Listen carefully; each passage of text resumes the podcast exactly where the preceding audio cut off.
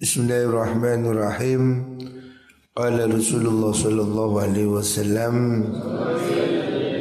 Lama khalaqallahu al-khalqa Lama khalaqa semangsan dadi akan sinten Allahu Gusti Allah Al-khalqa ing makhluk Kataba mongko mesti sinten Gusti Allah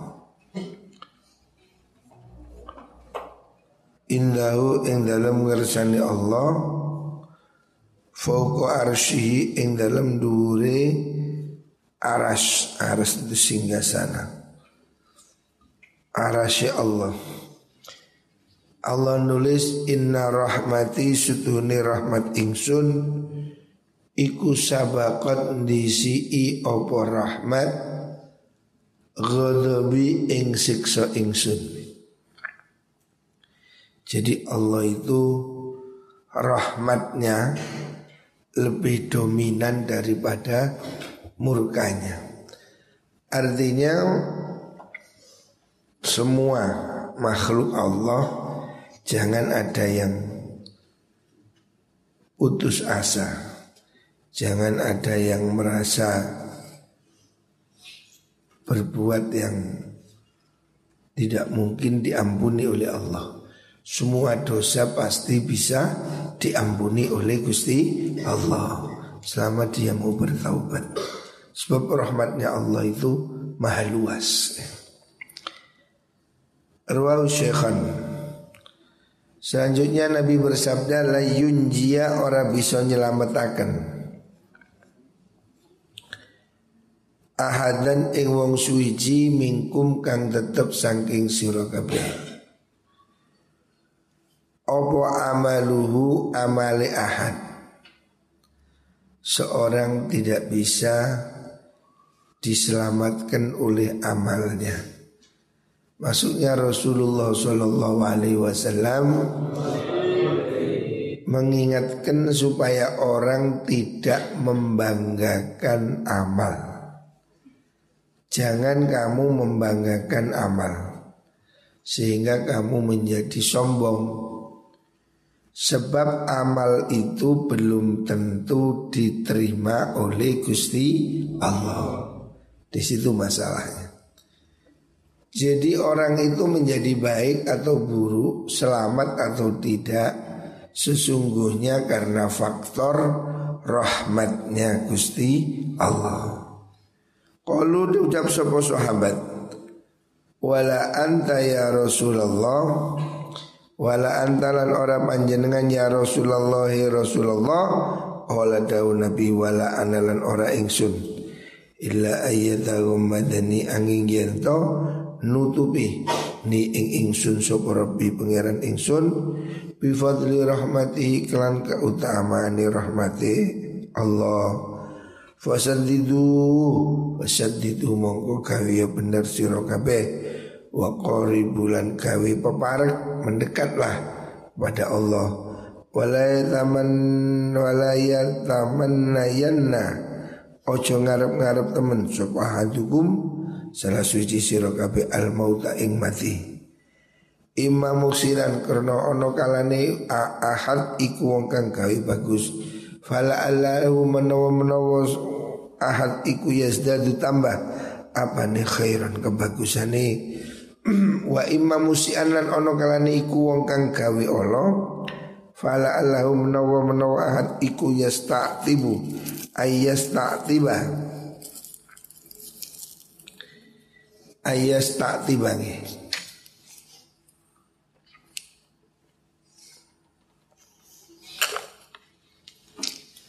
yen to meratani sapa? Ahad maksudnya Rasulullah Shallallahu Alaihi Wasallam mengingatkan semua harus merasa bersandar diri pada Allah. Jangan bersandar pada amalmu.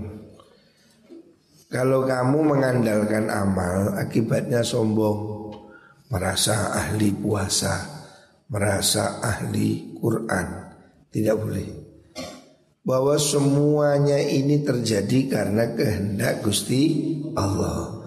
Kalaupun kita mau beribadah Kalaupun kita mau baca Quran Ya karena hati kita digerakkan oleh Gusti Allah. Artinya yang menyelamatkan kita itu Allah.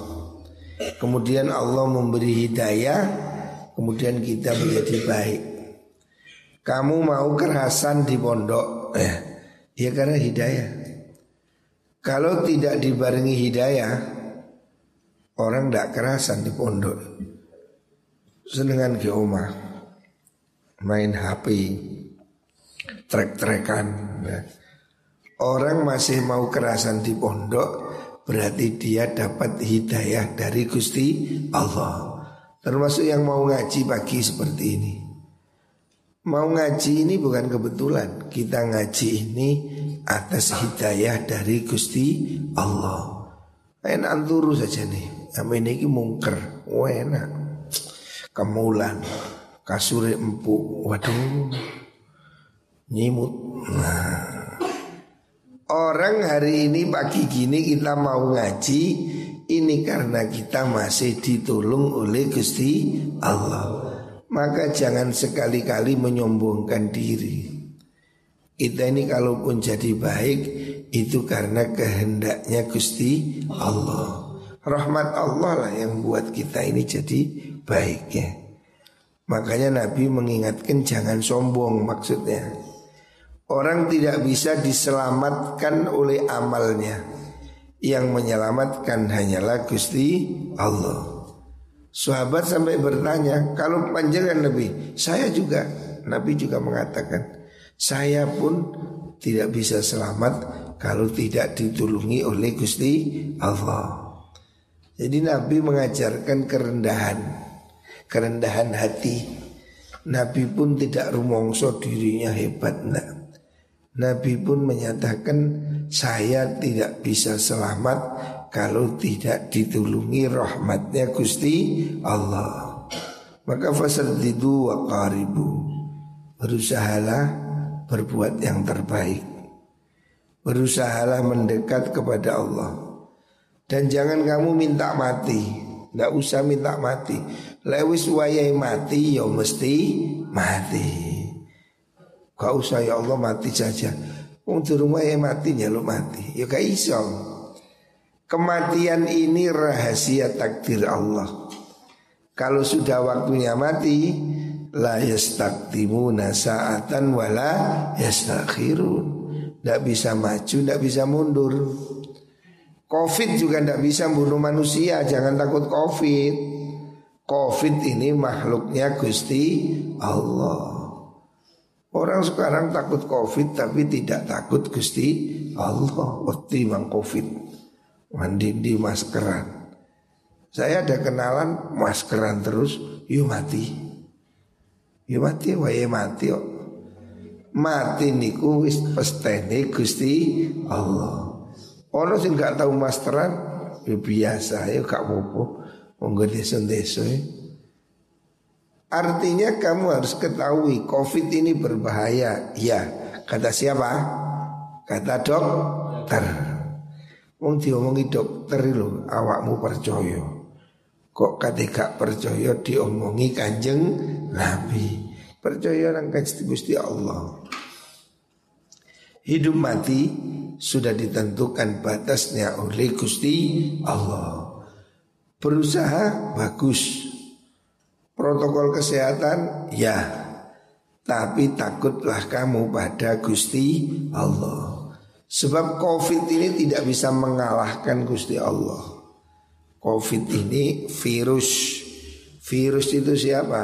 Ya makhluki Gusti Allah. Makanya jangan menjadi mencelek virus membunuh, rokok membunuh. Sing bunuh malaikat Israel itu. Tapi kamu harus berbuat baik. Jangan minta mati. Karena walau waktunya mati, kamu juga akan mati. Tapi mintalah hidup yang baik. Ya. Kalau memang waktunya mati, ya muka-muka mati husnul khatimah. Ya usah jaluk mati, stres, sedih, aku mati ya. Ya kan boleh mati terus beres urusan. Ya durung mesti. Ya lek mati nang swarga, lek mati nang neraka. Lek mati ini dikepui malaikat di kuburan. Yo jangan merasa mati selesai. Kita ini meyakini mati itu hanya perjalanan waktu. Setelah itu memasuki alam kubur. Di kubur itu ada yang disiksa, ada yang mendapat nikmat. Kon jaluk mati, ya lagi kuburan selamat. Lalu kuburan ke kuburan itu kebuki, tambah lorong. Makanya mintalah yang terbaik. Ya Allah, kalau memang hidup ini lebih baik, kita mohon kebaikan. Orang yang baik itu mantola umruhu wahasuna amalu. Orang yang bagus itu umurnya panjang, amalnya baik. Makanya kita ini mohon diberi Allah usia yang panjang, tapi amalan yang baik. Celaka itu kalau umurnya panjang, kelakuannya rusak. Nah, ini ngerusuin dunia. Wis tuwek, istilah gaplek, kerikilan, wis tuwek, petakilan. Mau wis umur bulu kok sik karaoke, ngono kan ya gak tahu diri. Mau wis umur bulu kok sik nyawer, dangdutan. Itu kan tidak sadar. Harusnya kita ini umur 40 sudah introspeksi. Seperti saya ini harus sudah introspeksi. Orang memasuki usia 40 itu harus sudah siap-siap. Waktu sudah sudah semakin sedikit. Makanya orang harus belajar ilmu akhlak, ilmu tasawuf. Kalau tidak, ya dia hidupnya ya berbuat durhaka tapi tidak ngerti. Makanya semua orang harus hati-hati. Tidak usah minta mati. Tapi kalau memang takdirnya mati, muka-muka husnul khatimah. Ngono Hidup cuma satu kali, tapi satu kali ini sudah cukup. Kalau kita berbuat baik. Jadi berani hidup jangan takut mati. Kalau takut mati jangan hidup. Ngono urip kok wedi mati. Padha mek wani mangan wani ngising. Kok gelem mangan gak gelem ngising ya apa? Meledos ketemu. Hidup mati ini sudah perjalanan Makanya awakmu siap Yang penting siap Lakukan kebaikan Jauhi kemungkaran Makanya kita ini setiap seminggu sekali sholat Jumat. Sholat Jumat itu mesti khotib mengatakan wasiat takwa. Tidak ada yang enggak pasti itu. Jadi satu bulan kita empat kali minimal diingatkan Ittaqullah Satu bulan minimal empat kali Bisa lima kali Satu tahun berapa kali?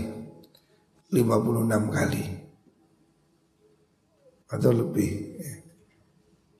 Sekitar lima puluh enam kali Sepuluh tahun lima ratus kali Dua puluh tahun Waduh Kita ini diingatkan ribuan kali supaya bertakwa kepada Gusti Allah. Cicak lali, ojo lali. Makanya ben minggu khotib wajib mengingatkan ittaqullah. Takutlah pada Allah. Ya. Jangan terus-terusan berbuat dosa. Selanjutnya kalau Rasulullah sallallahu alaihi wasallam la yabrahan nasu yatasaalun hatta yaqulu hadzallahu khaliqu kulli syai. Faman khalaqallah. La yazalu ora lereng-lereng sapa anasu menungso. Manusia ini tidak pernah berhenti la yabraha ora lereng-lereng sapa anasu menungso. Iku yatasa aluna podo takon-takonan sapa nas. Hatta yaqulu sehingga ngucap sapa nas Ada utawi ikilazat iku Allahu Gusti Allah. Khaliqu kulli syai'in kang dadekaken sekabehane suci-wici yang menjadikan semua hal di dunia ini adalah Gusti Allah. Faman mongko iku sapa utahi sapa iku khalaqa dadekno sapa man Allah ing Allah. Artinya kamu ini jangan terus mendet, apa menanyakan sesuatu yang tidak penting. Gitu. Akhirnya kemudian mikirkan Allah itu menciptakan. Yang menciptakan Allah siapa? Tidak ada. Ya kamu harus ngerti Allah itu awal yang tidak ada permulaannya. Seperti ini lah, jari ini berapa ini? Lima, ini jenenge apa ini? Jempol, ini, ini, ini, ini, sebelumnya jempol apa? Ya kau ono jempol ini sing kaitan kan. Sebelumnya jempol kau. Mari ini cendek apa? Ya kau ono. Sebelum Allah tidak ada, ya Allah itu yang ada. Sebelum Allah tidak ada. Ya berdua sebelumnya jempol apa? Ya gak ono ya jempol ini nomor siji. Jadi tidak ada yang menciptakan Gusti Allah. Allah itu tidak ada permulaannya. Sebelum Allah siapa? Gak ono. Ya. Jadi jempol apa? Ya gak ono. Ya, jempol ini kaitan. Ini harus diyakini, jangan kemudian keliru. Makanya Rasulullah Shallallahu Alaihi Wasallam menyuruh kita berpikir tentang makhluk Allah. Pikiran gunung, langit, laut. Jangan kamu berpikir tentang zatnya Gusti Allah. Allah gede apa cilik, dhuwur apa lemu. Jangan begitu. Apa pun yang terlintas di pikiranmu tentang Allah, Allah tidak sama seperti itu. Ya. Harus diberi garis. Laisa kami telihi syai'un. Allah tidak sama dengan semua hal. Kalau kamu bandingkan Allah itu kuat deh Itu itu Allah Hulak. Allah itu apa? Itu Allah bukan itu Pokoknya apa pun yang terlintas di pikiranmu Allah itu apa ini lemu tidak ada sudah itu sifatnya makhluk bukan sifatnya Gusti Allah. Rawahu Anas. La yuwafiya ora nuhoni sapa abdun kawula Yaumal kiamat dalam dino kiamat Yakulu haling ucap sapa abad Air ada air buka matikan. Keran, keran matikan. Yaumal kiamatin di bawah. Eh dalam dino kiamat. Yaqulu hal yang ucap sapa rajul la ilaha illallah ing kalimah la ilaha illallah. Yabtagi kang nyupri sapa bihi kelawan mengkono la ilaha illallah. Ya biha kelawan kalimat la ilaha illallah. Wajhallahi ing ridhoni Gusti Allah. Illa harama angin ngaromaken sinten Allah Allah alaihi ing atas rajul. Annaro ing neraka. Siapa pun yang mengucapkan kalimat tauhid La ilaha illallah. Dengan konsekuen mengharapkan ridho Allah pasti dia diselamatkan Allah dari api neraka. Siapa orang mengucapkan la ilaha illallah dengan tulus ya, Artinya mengamalkan. Tiada Tuhan selain Gusti Allah Tidak ada yang paling berkuasa selain Allah Harus Allah ini menjadi satu-satunya ya. Esa dia pasti masuk surga, pasti ya. Makanya zikir la ilaha illallah itu selalu harus kamu tanamkan di hati. Baca sholat, diem-diem, wiritan lah lah illallah. Lah wiritan sing serius ngono lho, tak delok arek wiritan eh, eh wiritan delomong ukur-ukur. Wiritan sing khusuk lah lah illallah la la illallah sing kompak kan dulu wiritan itu aku tahu sembahyang kayak turen langgar cilik tapi kompak wiritan kopi la la illallah la la illallah. Jadi suasananya itu jamaah itu terasa. Karena zikir ini kalau dilakukan bareng-bareng. Kayak orang mecah waktu loh, waktu gede, pecah dewe gak iso. Ditutup bareng-bareng kena pecah dua. Jadi zikir secara bareng-bareng ini bisa menggetarkan hati. Makanya sing kompak zikir lah ilah cepat-cepat lah La illallah la ilaha illallah wah wah wah wah wah iku la opo ngono medeni wong. Pemane subuh-subuh wah wah wah wah. Tanggomu kaget la opo ae zikir sing enak la ilaha illallah la ilaha ill ngono wah wah wah tanggomu kaget kabeh. Dilatih zikir sing tenang tenang. Penting Saya berkali-kali talqin zikir itu Pada Habib Abdullah bin Faqih Pada Syed Idris Pada uh, Syed Fadil Jadi kita itu talqin la ilaha illallah penting Supaya apa? Sambung sanatnya Kita ini mengucapkan la ilaha illallah sambung-sambung. Lah iso nglakoni torekot. Torekot itu sebenarnya ya cara zikir aja. Ada orang yang baca dengan cara begini, cara begitu. Intinya ya kalimat la ilaha illallah. Ada yang baca 6000 kali, 10.000 kali itu dalam rangka menancapkan kalimat ini supaya tidak keluar dari hati. Makanya zikir penting. Kita sejak dulu ya setelah sholat itu zikir.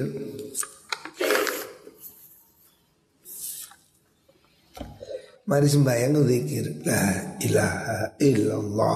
La ilaha illallah. Mendek La illallah.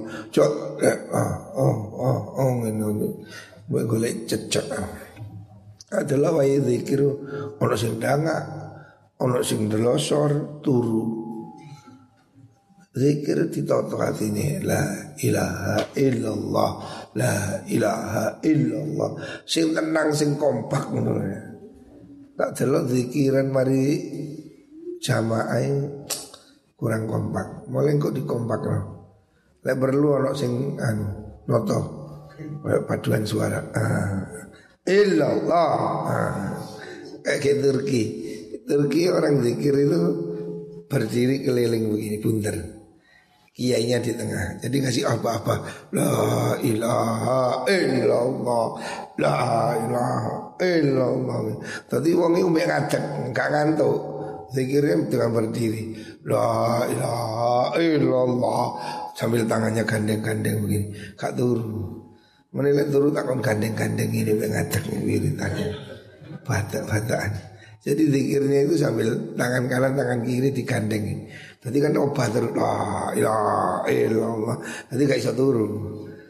Lah lek gak ngono adalah nih sing kuno senden. Sing kuno sing sunun telosor. Sing zikir mek telu. Lah opo Semuanya harus zikir. Kalau enggak nanti besok zikirnya diganti gaya Turki. Jadi tangan pegang kanan kiri terus digerakkan la ilaha illallah. Ngene ci obat ya gak turu. Subuh terutama jadi kok mari sembahyang di baris noy kalau di Turki wiritannya gitu berdiri. La ilaha illallah. Tangannya bergandengan begini. Jadi seperti anu seperti tarian gitu kiainya di tengah ngasih apa-apa. Eh loh, madep sana, madep sana. Kayak apa? Dirigen. Nah.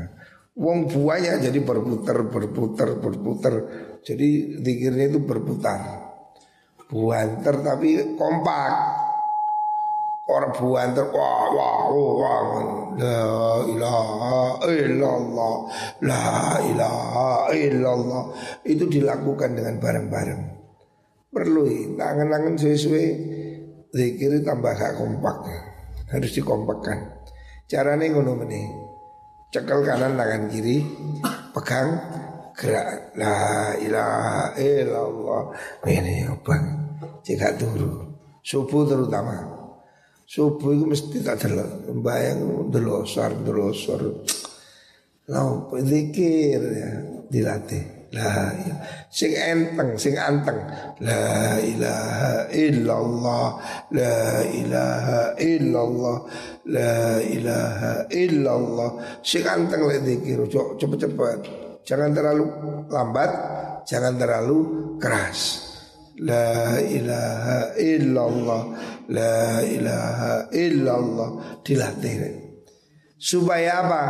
Supaya la ilaha illallah ini menancap di hati kita.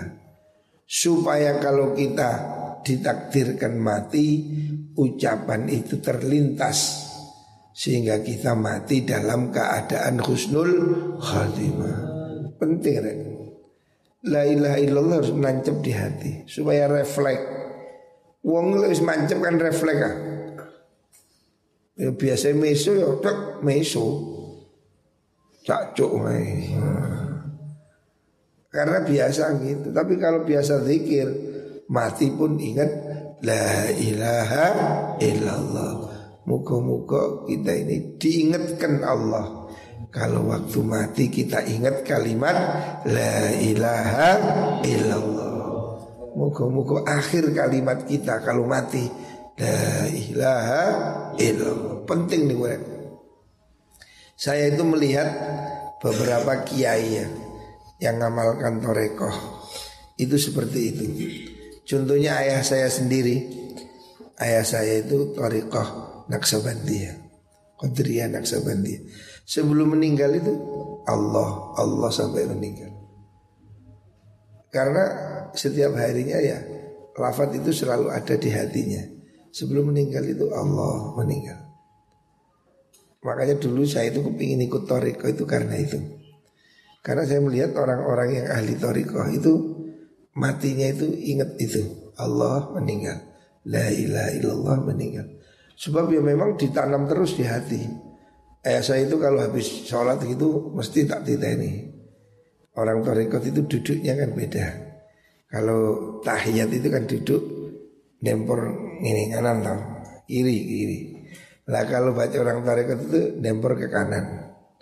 Duduknya itu. Mesti ayah saya begitu. Habis sholat selesai doa Kakinya digeser ke kiri. Terus zikir Zikir. Ya itu amalan tarekat Jadi setiap pada sholat Baca la ilaha illallah. Itu macam-macam dosisnya. Ada yang seratus Ada yang seribu gitu Jadi supaya khusyuk Duduknya itu Tidak silo. Eh, si lowongan longgar mana kan ngelamun. Duduknya itu diatur dalam torekot itu. Seperti orang tahiyat itu. Tapi sebaliknya Kalau tahiyat kan kita miring ke kiri. Nah kalau orang torekot itu miring ke kanan. Seperti itu. Supaya posisinya itu seken Kaubah Terus dikir lah lah Ayah saya setiap hari begitu Mengamalkan torikoh dan itu yang saya lihat itu keistimewaannya. Karena setiap hari selalu berzikir kalimat Allah itu nancap di hati. Sehingga dalam keadaan wafatnya itu teringat la ilaha illallah. Nah, ini sudah. Siapa orang? Kata Rasulullah sallallahu alaihi wasallam mangkana akhir kalami la ilaha illallah dakhalal jannah Siapa orang matinya itu terakhir kalimat yang diucapkan adalah la ilaha illallah dipastikan dia masuk surga. Muka-muka kita semua mati membawa la ilaha illallah.